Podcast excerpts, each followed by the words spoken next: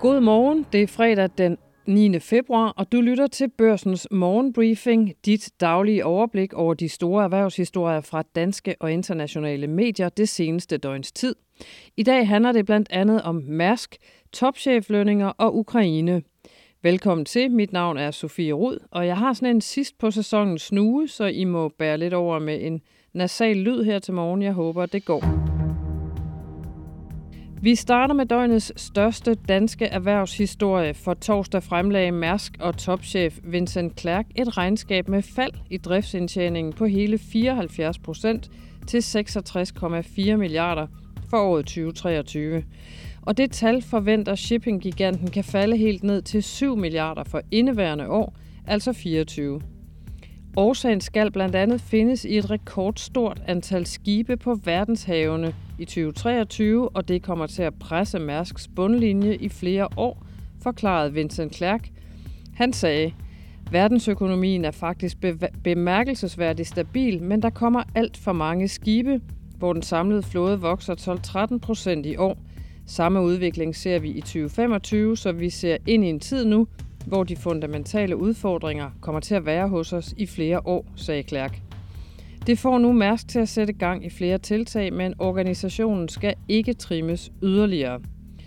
Mærsk-aktien faldt med 14,69 procent i torsdagens handel. Det svarer til 33,4 milliarder af den samlede børsværdi. Jeg vender tilbage til både Mærsk og det øvrige aktiemarked om et øjeblik. Først skal vi til lønpakker for topcheferne i de danske C25-selskaber. Og selvom Lars Fruergaard Jørgensen har været med til at sikre Novo Nordisk det bedste år nogensinde, må han vige pladsen som den bedst betalte topchef i de børsnoterede selskaber. Den plads indtages nemlig af Jens Bjørn Andersen, der i sidste uge forlod posten som administrerende direktør i DSV med fratrædelsesbonusser for mere end 60 millioner kroner – det bringer hans samlede lønpakke i 2023 op på 95,2 millioner kroner, eller små 100 om man vil. Men efter et annus horribilis hos vindkæmpen Ørsted, der i 2023 præsterede et nettounderskud på godt 20 milliarder kroner, er topchef Mads Nippers lønpakke reduceret med 20 procent til 18,4 millioner kroner. Du kan finde hele listen på borsen.dk. Mens store dele af den grønne industri har fået alvorlige knops i de seneste år, så vælter milliarderne ind hos den danske investeringsgigant Copenhagen Infrastructure Partners, også kaldet SIP. For SIP åbner krisen i havvindbranchen og andre grønne industrier attraktive investeringsmuligheder. Det fortæller selskabets finansdirektør Bo Fode i et interview hos Jyllandsposten Finans – så Bo Fode klager ikke over de prisstigninger og rentehop, der har fået Ørsted og andre rivaler til at droppe grønne investerings- eller energiprojekter rundt om i verden. Fode siger, Tværtimod synes jeg faktisk, at denne krise har skabt en lang række interessante investeringsmuligheder, siger han. Så mens Ørsted lider, vil SIPs kassemester ifølge Finans udnytte rivalernes nedtur. Mens danskernes tvungne opsparing i ATP led et massivt knæk forrige år, har landets største investor, altså ATP, i 2023 trods alt formået at skabe et afkast i plus, det skriver Berlingske. Men selvom 5,7 milliarder kroner i afkast på investeringerne kan lyde som et højt tal med mange nuller, så er det langt fra tilfredsstillende, hvis man sammenligner med andre store investorer. Det mener Jesper Rangvid, anerkendt professor i finansiering ved CBS og en af Danmarks førende eksperter i finanskrisen. Jesper Rangvid mener, at ATP nu for andet år i træk leverer et dårligt afkast. Det er simpelthen chokerende, siger han til Berlingske. Vi skal til udlandet, hvor den ukrainske præsident Volodymyr Zelensky har fyret sin øverste herrchef. Han hedder Valery Saluni og erstattet ham med Oleksandr Sirski, chefen for Ukraines landstyrker.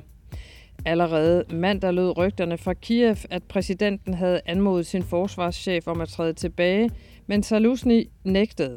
Angiveligt satte det midlertid præsidentens skakmat, fordi det betød, at han måtte fyre generalen for åbent tæppe. Det er mere end dårligt for moralen i hæren og tilsvarende et elendigt signal over for USA og andre vestlige donorer – der helst ikke vil se deres dyre militære isenkram gå til spilde på grund af interne magtkampe, skriver børsen i dag i en indsigtsartikel. Den aktuelle økonomiske krise i Tyskland tyder på, at der er flere problemer i vente for landets økonomi, skriver Bloomberg. Ifølge mediet er omkring 15 procent af Tysklands virksomheder i økonomiske vanskeligheder, hvilket er den største andel i Europa. Samtidig er der generelt økonomisk stagnation i Tyskland, hvor økonomien også er truet af en høj eksponering mod, det kommercielle, mod den kommercielle ejendomssektor i USA. Det betyder, at virksomhedsobligationer er kommet under pres fra investorer, der kræver et højere spænd for de tyske end for øvrige virksomhedsobligationer i EU. Efterspørgselen på virksomhedsobligationer, som jo reelt er lån til virksomhederne, er således faldet, og det kan skade Tysklands egen nationale vækst på længere sigt. Efter onsdagens rekordrit på Wall Street kølede det amerikanske aktiemarked torsdag en anelse af. Det blev dog i sidste ende til et beskeden plus, og derfor også den 9. rekord i år til hovedindekset. S&P 500 og Dow Jones steg begge med 0,1 procent, mens Nasdaq klarede sig bedst med et løft på 0,2 procent. Herhjemme blev der flittigt handlet i AP Møller Mærsks aktier torsdag, og det i en sådan grad, at den danske shipping-kæmpe stod for den største handelsomsætning på dagen. Den plejer ellers at tilfalde Novo Nordisk. Kursfaldet i Mærsk på 14,69 procent som nævnt var så voldsomt, at det trak de danske eliteaktier ned med 0,92 procent. Vi skal høre lidt mere om Mask, som jeg lige nævnte, og om investorerne, som trykkede på salgsknappen i voldsom grad efter torsdagens sløje regnskabstal. Men hvorfor så voldsom en negativ modtagelse hos aktionærerne? Det spurgte jeg Niels Lunde om. AP Møller Mærsk oplevede under coronakrisen, at fordi forsyningskæderne blev presset, så kunne Mærsk hæve deres priser over for kunderne.